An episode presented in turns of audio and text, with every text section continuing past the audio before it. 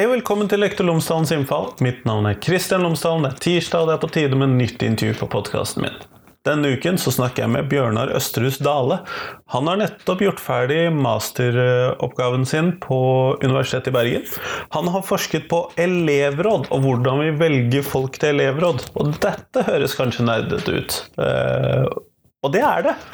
Dette er en relativt nerdete statsvitenskapelig gjennomgang av elevråds øh, øh, Hvordan vi velger folk til elevråd, og hvor demokratisk er det? Og vi ser på dette med hvordan øh, elev, skolens demokratiopplæring fungerer i denne sammenhengen, eller om den gjør det. Ehm, så det tror jeg er spennende også for andre enn statsvitenskapelig nerdete nerder. Eh, så jeg håper du kan ta oss og kose deg med denne episoden. Her kommer den i hvert fall. Vær så god.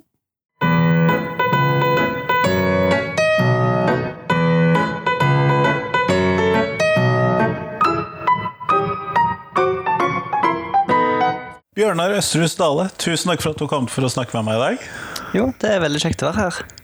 Eh, før vi starter selve intervjuet, kunne du ha fortalt lytterne mine tre ting om deg selv, sånn at eh, de har noen eh, knagger å henge deg på. Ja, knagger å henge meg på. En, som du hører, så er jeg, jeg er jo ikke fra Bergen, jeg er fra Sandnes. Innflytta til Bergen. En, kom her til for å studere først historie, og så statsvitenskap nå. Og så jobber jeg òg på Rafto-stiftelsen. Så det ble vel omtrent tre ting. Hvor jeg er fra, Sandnes, og hva jeg har studert før, og hva jeg jobber med nå. Man hører jo at du jobber med undervisning, siden du gjentar deg selv. ja, det, i, i Raftostiftelsen så jeg jobber jo i undervisningsavdelingen. Så det er, det, det er jo det som er mitt hjertebarn, og det er jo det jeg er glad i å drive med. Men uh, jobber jo i en, i en menneskerettighetsorganisasjon som jobber med undervisning, og ikke, ikke, i skolen sånn sett, men med å påvirke skole og synse om skole og undervisning. og det er bra. Og, jeg, jeg er en av de. ja, ikke sant? Og det trenger vi. Eh, spisskompetanse osv. Eh, men du har jo nettopp fullført masteroppgaven din. Ja. Hva har du skrevet om? Jeg har skrevet om elevrådsvalgene. Eh, spes. er ikke det et litt smalt tema? Det er kjempesmalt. det, men utgangspunktet for, eh, for, oppgaven min det var at eh, jeg har gått en erfaringsbasert mastergrad i demokratibygging på Universitetet i Bergen. Og Et av fagene vi hadde da, det var valgobservasjon. Og Da lærte vi om ulike typer for valg og ulike typer for systemer. Og så, og så er jeg jo relativt engasjert i norske politiske systemer òg. Og da ble jeg sittende og tenke på, når vi lærte om ulike politiske system, uh, ulike valgordninger rundt omkring i verden, og så hadde jeg i bakhodet hvordan det norske valgsystemet fungerer. Og så ble jeg sittende og tenke på hva vi egentlig gjør med elevrådsvalgene, da? Hva er det som faktisk ble gjennomført der? Og da, og da tenkte vi at det, det, er jo ikke noe samsvar i det hele tatt. Uh, og da, Det var jo på en måte starten på nysgjerrigheten på hva gjør vi egentlig i elevrådsvalgene. Og, så, og dette kverna jeg bare litt videre, og så har det nå resultert i da, en masteroppgave som heter så mye som 'Ikke velg klassens klovn'. En studie av elevrådsvalgenes demokratiske begrensninger og potensialet. jeg liker tittelen. Jeg liker tittelen, jeg gjør det. Men la oss først starte med hva vet vi om elevrådsvalgene i dag? Elevrådsvalg i dag er, det er jo et fascinerende fenomen som, som gjorde at jeg ble fascinert av at det ikke var studert på dette viset før. For alle skoler, uansett om det er eh, grunnskolen, videregående, eh, yrkesfaglige, studiespesialiserende, alle skoler er nødt til å ha elevrådsvalg. Ja, For dette er en del av elevenes medbestemmelse og demokratiopplæring og alt mulig rart? Absolutt. absolutt. Og det er jo lovforankra.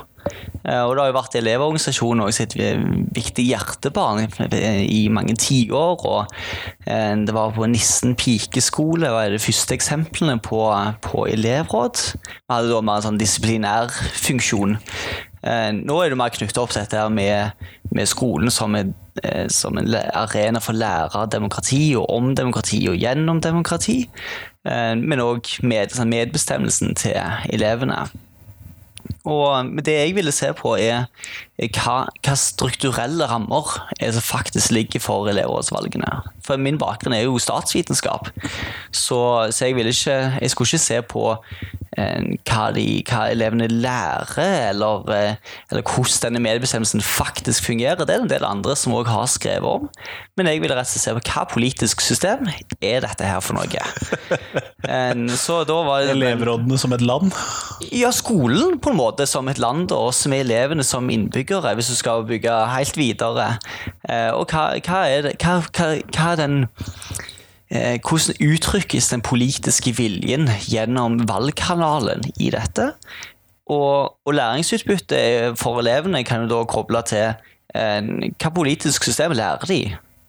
Lærer vi elevene våre i norsk skole gjennom elevrådsvalgene? Hva systemet er det? Men òg kan det systemet som blir praktisert, kan det anses som demokratisk? For Vi har jo, vi har mange land som har valg, men det betyr ikke at valgene er demokratiske, eller at systemene fungerer.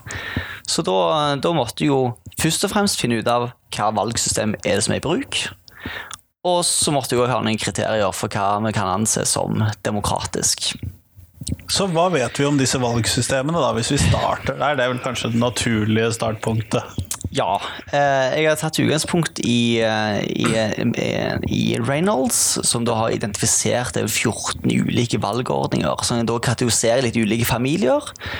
Der den, hvis du tenker at den, den norske familien er norske systemet en del av proporsjonalvalgfamilien, så er ingen av de tre systemene som jeg identifiserte på skolen jeg undersøkte, de er ikke i nærheten av det. De gjør noe helt annet. Eh, så de er ikke samme familie, de er knapt nok samme slektstre. Um, sånn en firamenning er det vel kanskje. Um, og, og, og, og, det er der det begynner å bli litt gøy. For da er vi Hvordan har vi havna der?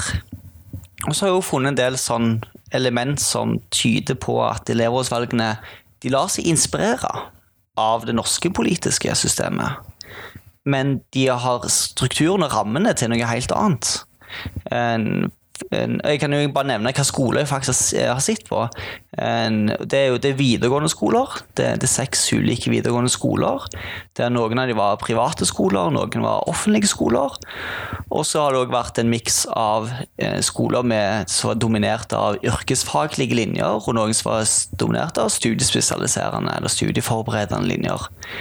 Så prøve å få en, en miks i det for å se om eh, om det var en variasjon i hva valgsystem som ble brukt. En, sånn, konklusjonen er egentlig at det påvirka ikke i det hele tatt. For det var, en, det, det, var, det var, ingenting av de strukturene som utgjorde noe um, for hva valgsystemet de endte opp med. Men tre av skolene de, de bruker noe som kalles en single non-transferable vote som betyr at du har, du har eh, en valgkrets der du skal velge flere representanter. Og du har én avstemning, og, og, eh, hver velger i denne valgkretsen har kun én stemme. Du skal velge da to representanter i elevrådsvalgenes tilfelle. Du skal velge både elevrådsrepresentanten og varaen i én valgrunde. elevene avgir én stemme, og så er det den som får flest stemmer. Ikke nødvendigvis en majoritet, men bare flest stemmer.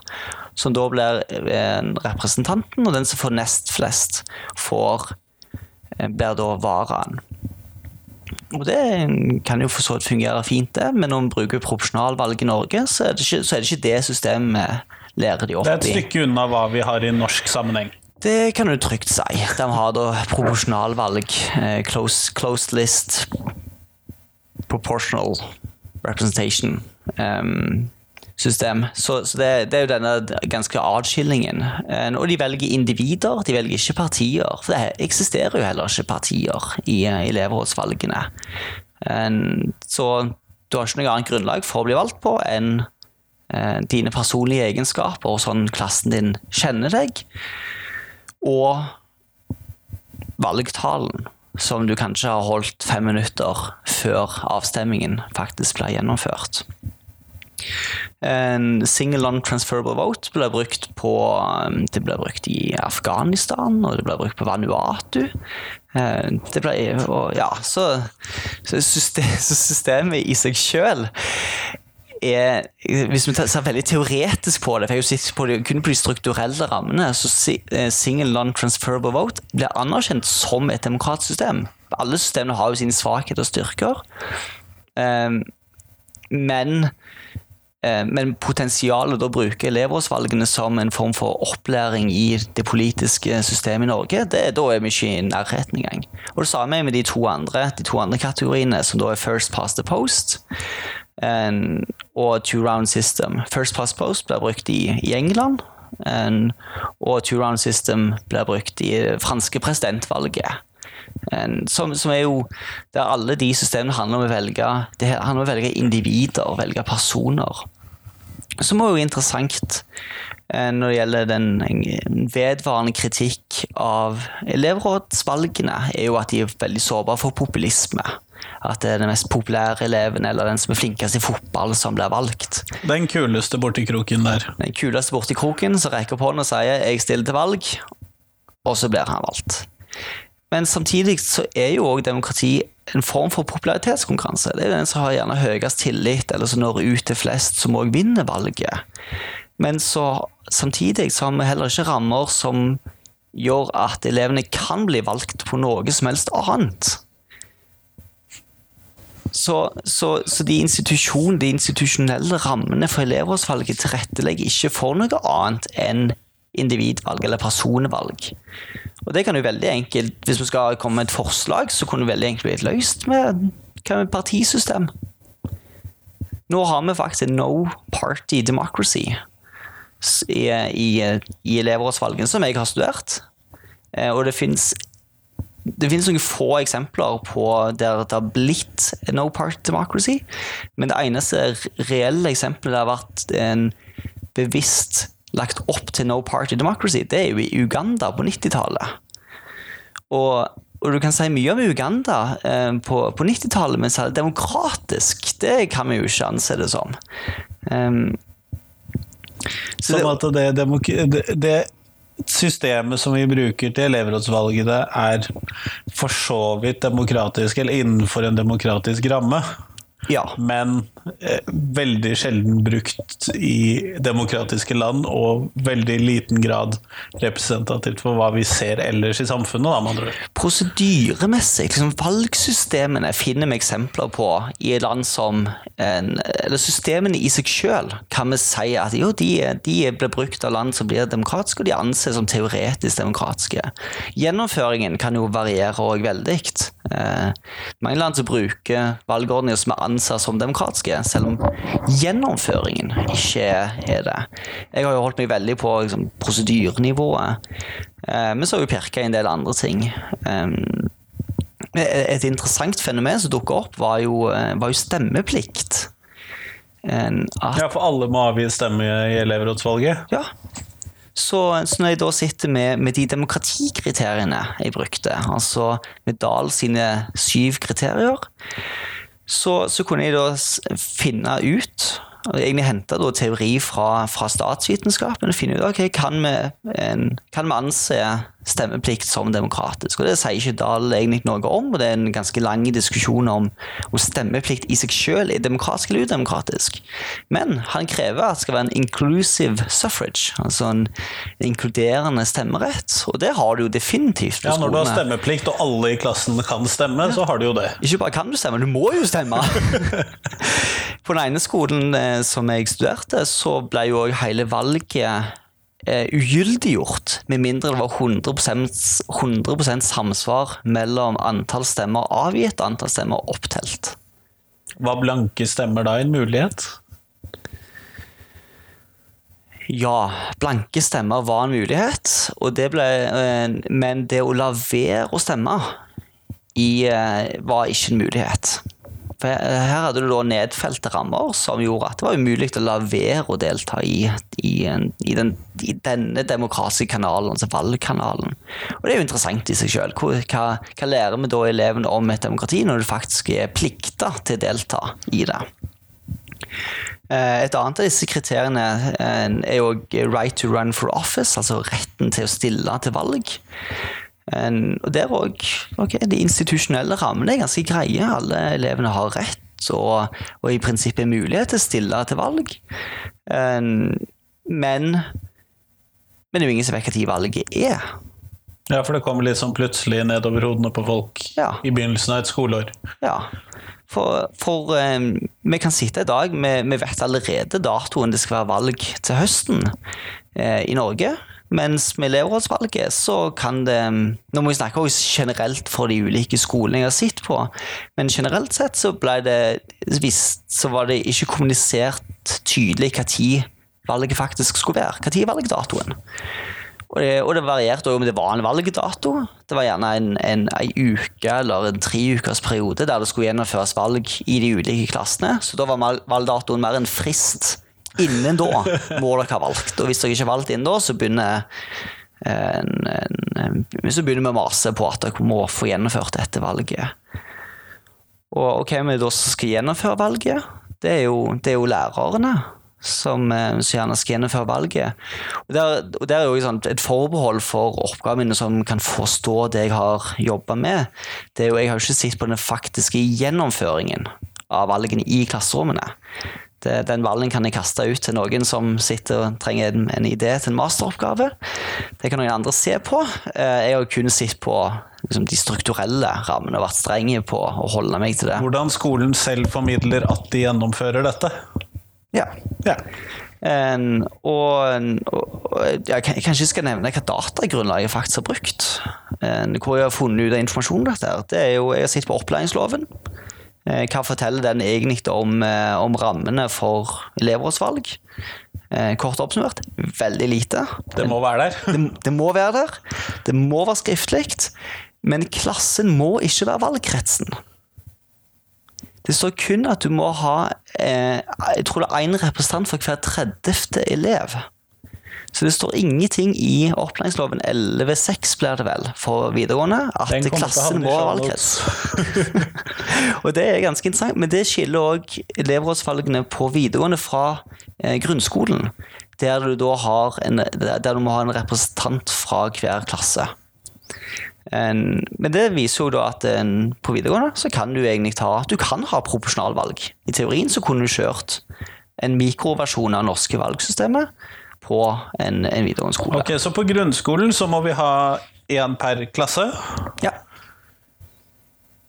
Og på videregående så må vi ha én per 30 elever. ja. Så da er du bare ganga opp, og så får du eh, Hvis du har 300 elever, så, eh, så må du ha, ha Hvor mange ble det? 30? Og så helt stille. Du har, tre, du har, si du har 300 elever. Ti representanter må bli valgt, så det blir da Stortinget eller parlamentet. Og, og ut fra det så kan det da bli valgt en regjering. Eh, altså da parlamentarisme. Og det er også spennende, for i opplæringsloven paragraf 11-7 så står det at du må ha parlamentarisme. Ikke eksplisitt, men det er jo sånn jeg òg tolker det. Fordi rådene den sier at rådene som er i de overnevnte paragrafer Nå bare tar jeg dette så godt jeg husker det. Velger selv sitt eget styre. Så det betyr at elevrådene, som da står i paragrafen over, velger sitt eget styre. Så vi velger ikke den utøvende makten, vi velger den lovgivende makten, elevrådet. Og elevrådet velger selv sin egen eh, utøvende makt, sånn sett. Altså regjeringen eller og Det er jo parlamentarisme, rett og slett. Eh, og det, det er jo inne på at det er noen sånne kimer til det norske politiske systemet i elevrådsvalgene, med parlamentarisme, f.eks. Men de bruker valgsystem som holder på med noe helt annet. Ja, hva kan vi si? Jeg kan nevne et kriterium til fra Dahl, eh, med elected officials. Control over government decisions about policy is constitutionally vested in elected officials. Det er, jo- jeg tolka det videre egentlig til at de som er valgt, de må faktisk ha eh, De må ha makt over noe til å kunne utøve politisk makt. Ja, her er det vel et ankepunkt uh, i norske elevråd. Det her det begynner å bli gøy, for å si det sånn. Ja, for da, da er jo hva, hva makt har egentlig elevrådene? Og da, da er jo på en måte, da er jeg lagt fram i den elevrådsvalget, men hva, hva makt har de etterpå? Og, en, og, det, og jeg gjorde jo også intervju, i tillegg til å ha opplæringsloven og elevrådshåndboka, så gjorde jeg intervju på hver skole, og så hadde jeg òg elevrådsvedtektene. Så alt det ble jo datagrunnlaget mitt. Og da kunne jeg sitte og se hva er det elevrådet faktisk jobber med. Hvordan presenteres det hva de jobber med, og hva er det som egentlig begrenser de, sånne formaliserte begrensninger. Og det jeg fant ut av, med, med egentlig liksom sammenlignet med hva, hva et politisk system vanligvis er, og hva er de uenige om? Sånn, hva er vi uenige om i et demokrati? Hva er de politiske partiene uenige om i, som sitter i, i Oslo, eller i lokalvalgene for den saks skyld? Jo, det, okay, det er ideologi og rene sånn prinsipielle spørsmål. Og så er det jo penger. Hvordan skal vi prioritere disse pengene? og, det, og, det, er jo selvfølgelig helt greit, men, men det, det, er liksom to skimer til en uenighet. Hvis da, sånn, Et retorisk spørsmål med skolen blir da hva er skimen til uenighet i elevrådene? Og hvis vi ikke har en kime til uenighet i elevrådene, så har vi heller ikke en kime til uenighet i elevrådsvalget hva er det da eh, når elev, elevene holder en tale? Hva er det de faktisk sier? Hva er det de kommuniserer at de skal bli valgt på grunnlag av? Kan de si at de skal, de skal kjøre en sosialistisk politikk i elevrådet? Ja, det er kanskje å tolke dette her litt langt og dra inn ideologi. Det kunne vært gøy. Eh, men de har jo heller ikke noe penger. De har jo ikke noe budsjett. I hvert fall ikke som de vet om, nødvendigvis. Eh, for reelt sett så har alle skolene, de seks skolene jeg har studert, har det jeg kaller reaktive budsjett. Um, og reaktive budsjett er da midler som først blir tilgjengeliggjort på basert en, på en søknad. F.eks. at elevrådsvalget er, gjennomført, elevrådet er satt, elevrådsstyret er valgt. Og så kan de finne ut av hva skal vi bruke det, hva skal vi gjøre egentlig? Hva, vi, hva ønsker vi egentlig til å drive med? Og så finner vi ja, okay, vi vil ha en, en vannfontene eller et eller annet. Og så søker de om penger fra, fra rektor. Eller fra elevorganisasjonen, for den saks skyld. Men da kommer pengene veldig seint. At penger som da egentlig er en kime til, eh, til uenighet Hvis det hadde blitt tatt tidligere, som, som hva skal vi bruke pengene vi har på, istedenfor ja. hva skal vi forsøke å få penger til? Ja. elevrådet har et budsjett på nå bare tar jeg en sum, Det har et budsjett på 10 000 kroner. Hvis jeg blir valgt inn i elevrådet, så vil jeg prioritere appelsiner til alle mine medelever. Eller sjokoladefontene, eller eh, bedre skolebøker. Eller et eller annet. Popkorn hver fredag. Og da mener jeg da er det jo helt sentralt for, for eh, Hvis vi skulle ivareta Dahl sitt kriterium, at de som er valgt, har en beslutningsmyndighet, så måtte de faktisk måtte elevrådet rett og slett hatt full kontroll over de pengene. Nå er det en, og, Da måtte du kanskje hatt en sånn budsjettkontrollfunksjon eh, mellom elevrådet, som da eh, parlamentet og den utøvende makten, og at de kunne balansert hverandre. Eh, men da måtte det være De fikk de pengene, og verken mer eller mindre. Men, og da kunne du kanskje òg rydde opp i sånne problemstillinger som at elevrådet fungerer som en høringsinstitusjon. Eh, de klager på dårlig luft, eller at de vil ha ny gymsal, eller at de vil ha um, ja, andre eksempler, pizza til alle sine medelever. Som er, som er, viktige tiltak. Absolutt, Vi skal ikke undergrave den eh, medvirkningskanalen. Men det er sånn uryddig skille, fant i hvert fall jeg i mitt datamateriale, mellom når er elevrådene en høringsinstans på store strukturelle ting som kanskje koster flere hundre tusen eller millioner, hvis vi snakker om en ny gymsal. Og når er de da en valgt institusjon med reell makt til å gjennomføre ting og stå for dem? Eh, og da ville jo, hvis de hadde da et eget budsjett og eget tilgjengelige penger, så ville du jo da kunne få konkurranse mellom eh, elevrådskandidaten som ønsker gratis pizza til alle, og elevrådskandidaten som vil ha gratis popkorn, og elevrådskandidaten som vil ha nye bøker på biblioteket for disse pengene. Jepp, stemmer det. Og da har du òg da, da, har du da elever som har tatt et standpunkt til hvordan de har lyst til å prioritere de pengene, men de vil kun kunne prioritere de pengene hvis de har flertallet i elevrådet, eller flertallet i elevrådsstyret, alltid hvordan strukturen blir gjort. da. Og der har du egentlig til grunnlag for samarbeid på tvers av klassene, hvis du beholder klassen som, som valgkrets. Så skolepartier. Skolepartier. Jeg har, jeg har en, en, en, god del av oppgaven min er å argumentere for skolepartier, rett og slett. Men da må det være fundert i det må være fundert i en prioritering av en begrensa middel. En, i, i, konklusjonen min så, så, en, så, så står, står, det òg en setning om at elevråds, eh, elevrådene i dag er prega av at de både har svært begrensa midler, som kun ble utløst på søknad, men òg ubegrensa midler. For nettopp fordi det ikke er noen midler i hele tatt, så kan de jo i prinsippet be om hva som helst. De kan jo be om en ny gymsal. Fordi det er ingen som har fortalt dem hvor mye eller hvor lite penger de egentlig har.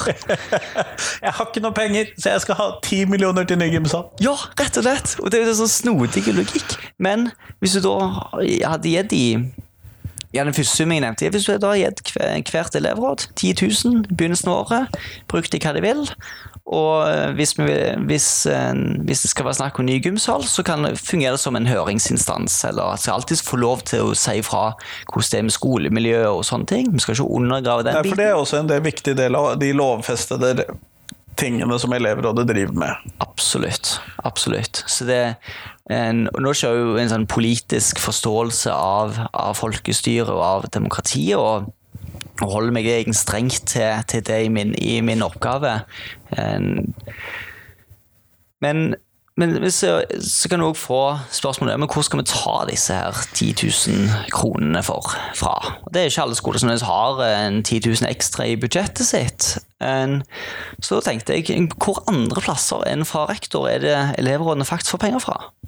Og det er jo fra, er jo fra Elevorganisasjonen.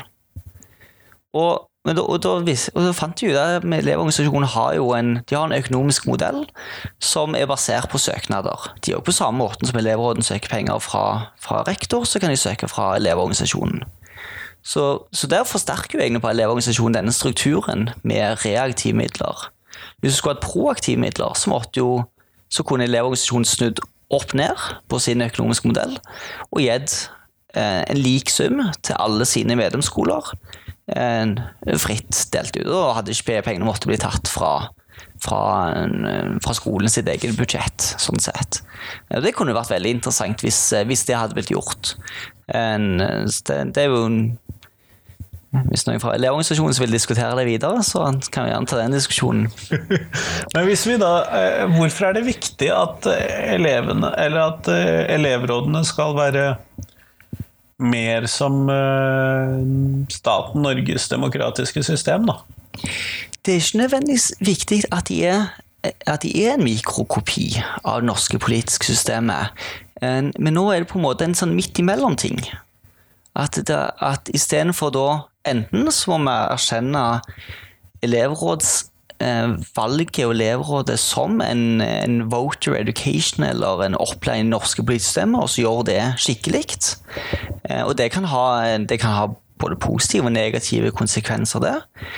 Eller så bør vi kanskje si at nei, elevrådsvalget og skole, skolene er såpass særegne i seg selv at vi må fristille det helt fra sånn inspirasjon fra norske politisystemet. Vi vil ha tydelig at det er valg, altså klassen er valgkrets og nærhet, sånne ting. Og så må vi ha en, en valgordning som da er spesiallaga til, til elevrådsvalget. Og, og, det er jo to ulike modeller for egentlig å gjøre dette ganske ryddig. Mm. Den ene vil da være opp, veldig tydelig eksplisitt opplært i norske politiske systemer og valgordning i Norge, mens den andre vil da være valg, eh, elevårsvalget er særegent. Da må vi lage en perfekt ordning for Som gjelder for alle? Som gjelder for alle, ja. Men jeg tenker jo i utgangspunktet at hvis vi ser på den nye overordnede delen av læreplanen, og hvis vi ser på de nye tverrfaglige temaene i læreplanen, eh, i de nye læreplanene, så skal jo demokrati være en overgripende tema. Et tverrfaglig tema, noe som skal gjelde i alle fag. Jeg ville jo tenke at det ville være vanskelig å skulle gå for en sånn distansert modell hvis demokrati skal være noe som skal gjelde for alle fag, hele skolen, og alt sammen skal lede til en forståelse for demokratiet. Ja. Det, det tror jeg òg. Måtte, måtte nok Jeg, jeg liker bedre den tanken om å da en, være så ærlig og, si at, en, at en, vi, har, vi har valg i skolene. Og alle må ha det, og vi vil gjøre det skikkelig. Og, og det er den snedige greia med skolevalg sammenlignet med elevrådsvalg. I det ene intervjuet jeg gjorde, så ble, ble, elev, ble, skolevalget snakket om hvor utrolig viktig det var for, for, skolen, og hvor seriøst det ble organisert, og elever var valgfunksjonærer og valgobservatører, og avstemninger var gjort etter alle de eh, prosedyrene som da ble gjort i Norge. Så, så, så denne skolen gjorde jo akkurat det norske valgsystemet allerede, men skolevalgene har jo de, de, velger jo egentlig ingen. Det er jo mock election. Mens elevrådsvalgene derimot, som faktisk representerer hver klasse på hver skole rundt omkring i hele Norge, de valgene blir ikke nødvendigvis gjennomført like prosedyremessig eller like helhetlig eller seriøst for den saks skyld. Der hvor det faktisk velges noen. Der det faktisk velges noen som faktisk representerer noen. Der er det bare ja, en eller annen valgdato en eller annen gang i høst, og så de, de ikke, får, ikke har noe budsjett. Um, ikke det er reelt mulig å melde seg som en kandidat, for de møter jo ikke hva de valget er engang. Og valgtalene, hva innhold har de? Jo, personorienterte og populistiske. Så mye strukturene støtter jo egentlig opp under. under kritikk, den, den, kritikken elevrådene møter som populisme og useriøsitet, er det mye strukturene som allerede støtter opp under. Men hvis vi da sier at vi gir alle elevrådene 50 000 alle får 50 000. Jeg skal slå på stortromma her litt. Kult, jeg liker det. Um, og så vi bryr oss ikke om pengene kommer fra skolen, eller om de kommer fra Elevorganisasjonen eller andre steder, men pengene er der. Ja. Eh, hvordan tenker du at elevrådssystemet da burde se ut hvis vi da skulle ha opplæring i demokrati eh, og reell medbestemmelse for alle elevene? Mm. Hvis vi da har det som to kriterier. Jeg, eh, jeg ville for det første, jeg har veldig lyst til å teste ut modellen med proporsjonalvalg i en, i en videregående skole, rett og slett. Og da kjøre en, kjøre trinn, f.eks. Ja, for her må vi se litt forskjellig på grunnskoler og videregående skoler. Jeg tror det er fornuftig. Ja. Vi må, vi må erkjenne at det er en, en, fundamental forskjell. Eh, og det gjør det kanskje enda viktigere å gjøre valgene på, på videregående Eh, faktisk skikkelig og seriøse. De eldste elevene i tredje klasse har jo faktisk stemmerett. Ja. de har jo stemmerett i, i, i, de skikk, i, de ordentlige valgene, hvis du vil kalle det det. Og så får, De andre får snart stemmerett. Ikke sant. Så det er jo rett opp under dette her, så hvorfor skal vi da lære de opp i ett valgsystem? I elevrådsvalgene så må de lære et helt annet når de skal ut og stemme i, i valglokalet sitt. Så, så jeg ville teste ut proporsjonalvalg. Kjør trinnet og så med partistruktur så faktisk folk klarer å bli eh, enige og, og uenige, selvfølgelig. bygger da allianser på tvers av klasser. Og så er det trinnene som er representert. Eh, å bruke trinn som valgkrets blir allerede praktisert. Men vi snakker bare ikke om det som et, som et, som et skikkelig valg, men det er jo valg av, av russestyret. For da er det jo tredje trinn som velger sitt styre direkte. Fra hele massen? Fra hele tredje trinn, ja. Mm. Så, eller, det, var, det, var, bare nevnt i bisetning av datamaterialet, så jeg har ikke sittet veldig nøye hvor nøyaktig hvordan russevalgene faktisk foregår. Men det er liksom en bevissthet om trinn. Og at trinn har en lojalitet, eller en identitet, da, kan du kanskje kalle det. Og at det kan fungere som, som, en, som en valgkrets. Da. Så da vil du ha x antall representanter fra hvert trinn, som da utgjør et, et, et elevråd. Og så kan de òg, og flertallet derfra vil da utgjøre et, et elevrådsstyre. Og det elevrådsstyret må kunne felles f.eks. med et eh, mistillitsforslag, eller, eller at de sjøl går av gjennom et kabinettsforslag, f.eks. Da har vi en veldig enkel, en veldig enkel struktur, egentlig. eh, og er mye likere det norske politisystemet som vi har nå. Hadde vært litt gøy på et sånt allmøte hvis man skulle kaste elevrådet, da. Det var kjempegøy. Hvorfor ikke? Jo, men det, det er jo en um, Og der òg er litt sånn Jeg tenker at jo, det, det har vært gøy fordi det, det er en reell politisk eh, uenighet, og at de kaster eller feller noen. Men akkurat der er det òg litt inne på et spenningsforhold i elevrådsvalgene, som jeg, som jeg veldig gjerne ønsker å nevne. Og det er i elevrådsvalget så er det jo da noen som vinner, mens det er òg noen som taper. Og da ble det nevnt flere ganger, eh, med, med henvisning til opplæringsloven 9a, om at elevrådsvalget og resultatet derfra det ble, det ble holdt hemmelig for at vi ikke skulle forulempe enkeltelever som da tapte valget, eller fikk få stemmer. Så da ble gjerne òg opptellingen av stemmene gjennomført eh, på gangen, og, eller, eller at valgresultatet ikke ble skrevet opp på tavla og, og offentliggjort. Da ble det bare sagt at eh, ja, kandidat Kristian vant over kandidat Bjørnar, men vi sier ikke med hvor mange stemmer. Og du ser jo for deg hvis eh, når vi da har et- Hvis vi hadde gjort det mellom Erna og Jens, nei, Jonas Erna Jonas, og vi bare NRK og VG og Dagbladet går ut og sier Erna eller Jonas vant, men vi sier ikke med hvor mange. Du ser jo hvor korka det er. Du ser jo hvor utrolig rart. Når, når du, og det er jo akkurat derfor. Det er akkurat sånne ting som har gjort det veldig gøy å bruke stats, statsvitenskap og bruke dette analyseapparatet. Og da pirke i elevrådsvalgene. Hva, sånn, hva er det vi faktisk presenterer av en politisk modell og et demokratisk valgsystem til elevene våre? Jeg kan tenke meg en serie eh, statsledere i verden som kunne tenke seg den modellen for presentasjon av valget. Ja, det er Chávez vant, Putin vant. Jepp. Men helst med sånn 98,7 Jo, jo. Ja, ja, ja. Men de hadde ikke trengt å fake seg til den lenger da. Nei, det er sant. De hadde ikke trengt å jukse. Nei, det er bare 'jeg vant'. Det Ja, faktisk. Og altså, hva, hva er liksom inspirasjonen til å stille til, til, til elevrådsvalg nå? En, en, eller eller ta, ta det spørsmålet. Hva er motivasjonen til, til elevene til å stille til elevrådsvalg? Når, når det knapt blir tatt seriøst. Um, nå snakker jeg jo kun ut ifra mitt datamateriale. Det ble knapt tatt seriøst. Litt varierende grad der òg. men de har ikke noe penger. Det er kun som seg person. Eh, elevrådet ble valgt, men det er jo elevrådsstyret som har den formelle beslutningsmyndigheten. Og, og det er ikke noe sånn Det er egentlig ikke noen mekanismer de to imellom til å begrense hverandre eller styre hverandre, som er jo hele fundamentet i parlament, parlamentarisk system. En, ene skolen hadde jo en kjempemorsom løsning med at eh, elevrådsstyret hadde mandat til å fjerne elevrådsrepresentanter fra å sitte i elevrådet. Og da be, sin, be klassen som har valgt den representanten, om, om å ha et nyvalg.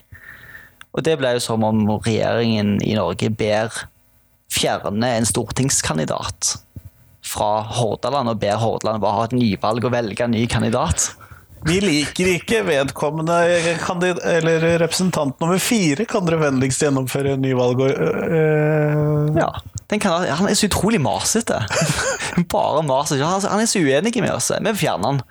Og det, det, er jo, det er jo faktisk den type mekanismer som fins vedtektsfesta fra elevrådene. Og, og, og den ene skolen hadde jo for så vidt ikke vedtekter i det hele tatt. Vi hadde jo praksiser og gjennomførte jo valg likevel. Mens noen skoler hadde veldig detaljert og utfyllende vedtekter for, for sine elevrådsvalg. Utfyllende vedtekter kan tydeligvis være litt problematiske, de også. Ja, for da blir det litt for mange vedtekter, som å fjerne folk i hytt og pinevær.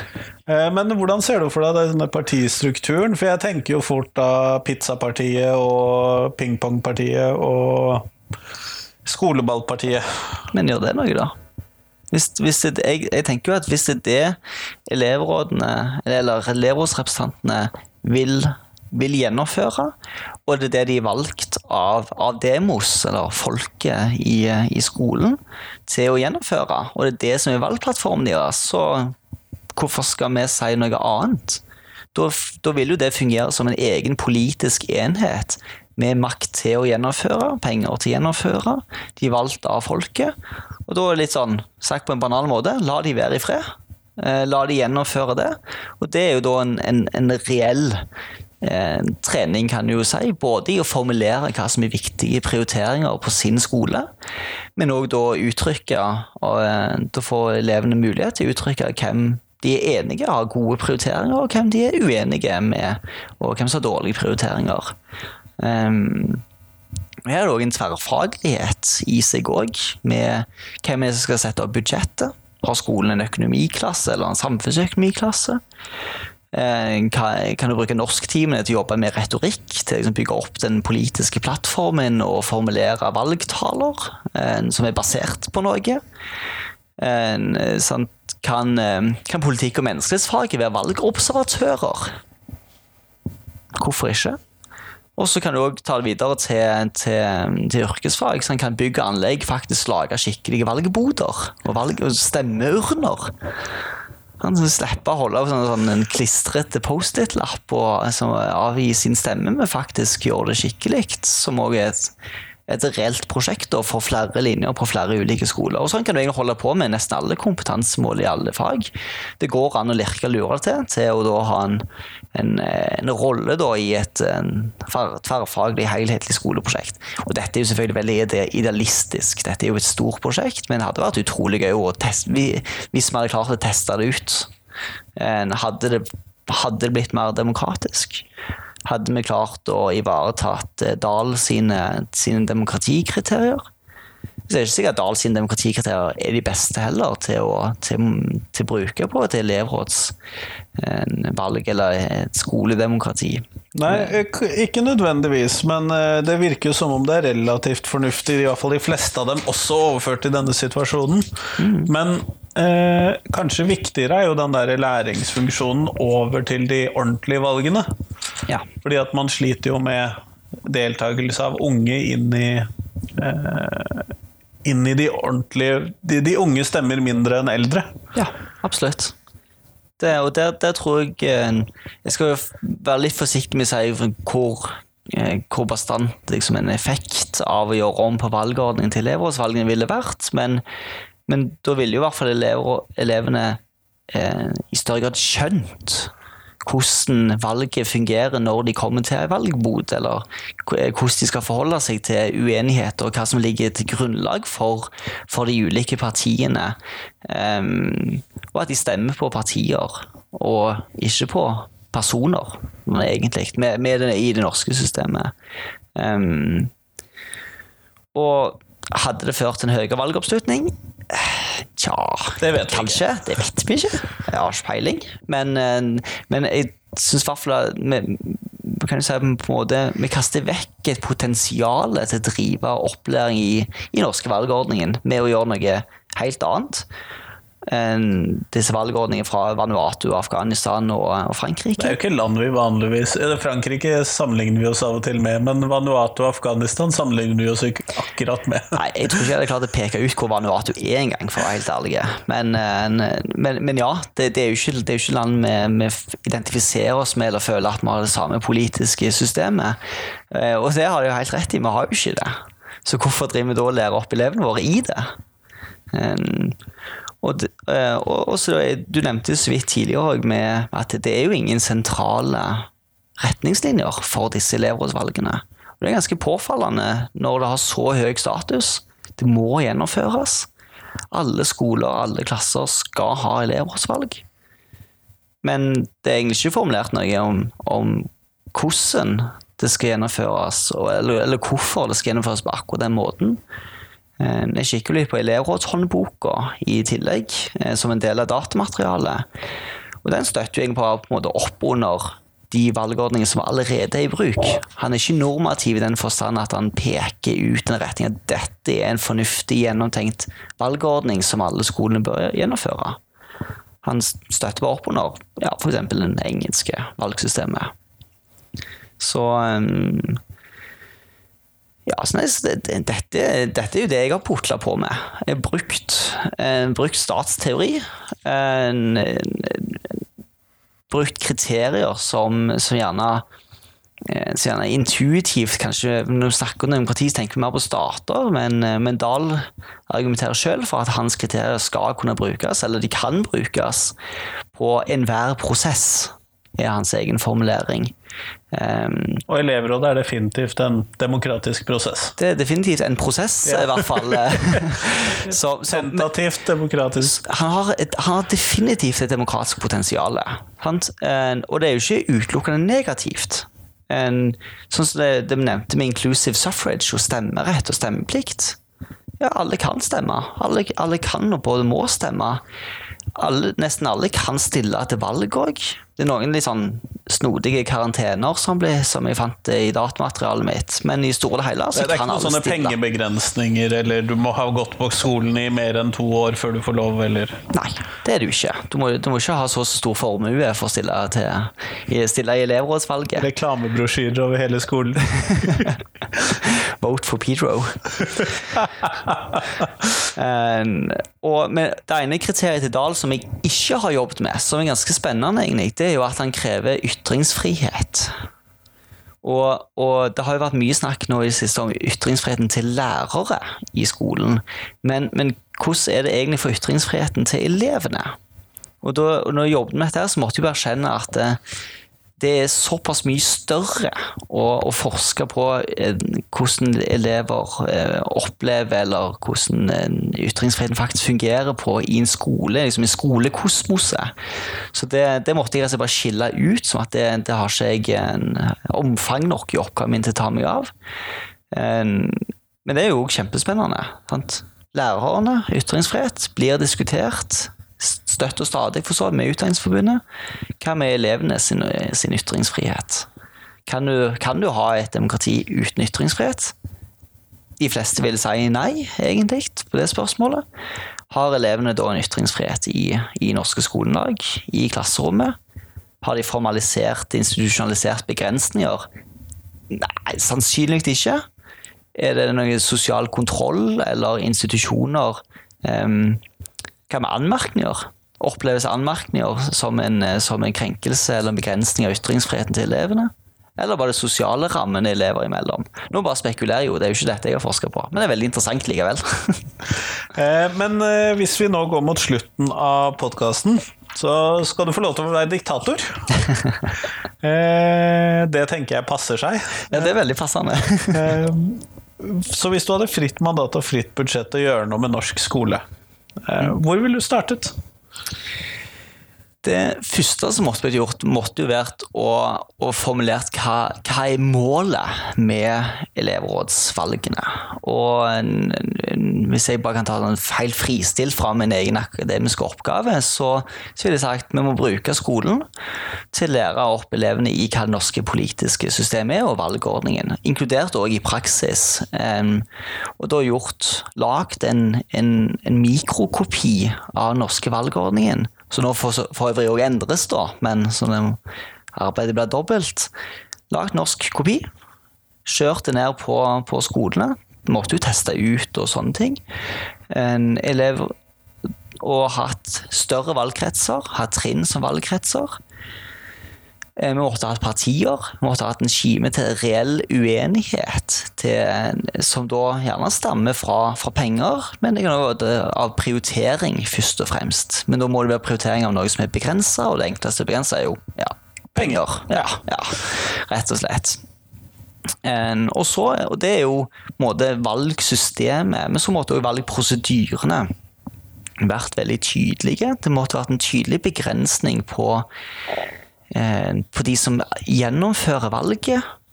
At, eh, at, uansett om det er lærere eller elever som har motivasjon for å påvirke valget i den ene eller den andre retningen, så må det være begrensa. Det må være kontroll over administrasjonen av valgene.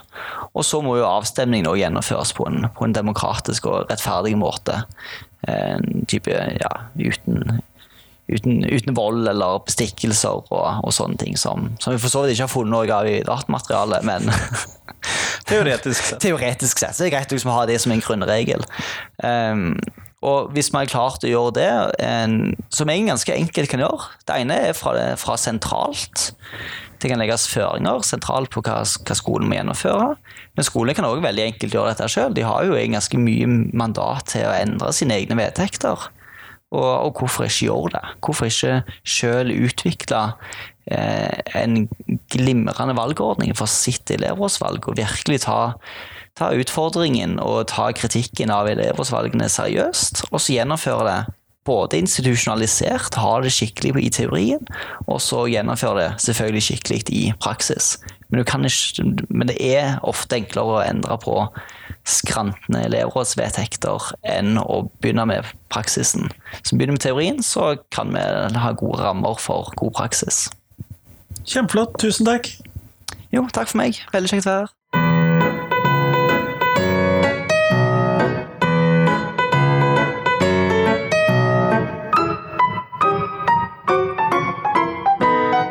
Tusen takk til Bjørnar, og tusen takk til deg som hørte på. Nå er det en uke til neste episode, eh, for vi tar selvfølgelig ikke sommerferie. Eh, men del gjerne podkasten med noen, eller send meg et tips til hvem jeg kan intervjue. For det vil hjelpe meg enormt. Jeg har begrenset med kreative evner selv. Dvs. Si, jeg klarer ikke å tenke på alle mulige kandidater for å bli intervjuet på podkasten. Så send meg gjerne et tips, og del gjerne podkasten med noen. I hvert fall, fram til neste uke. Ha en fin uke. Hei, hei.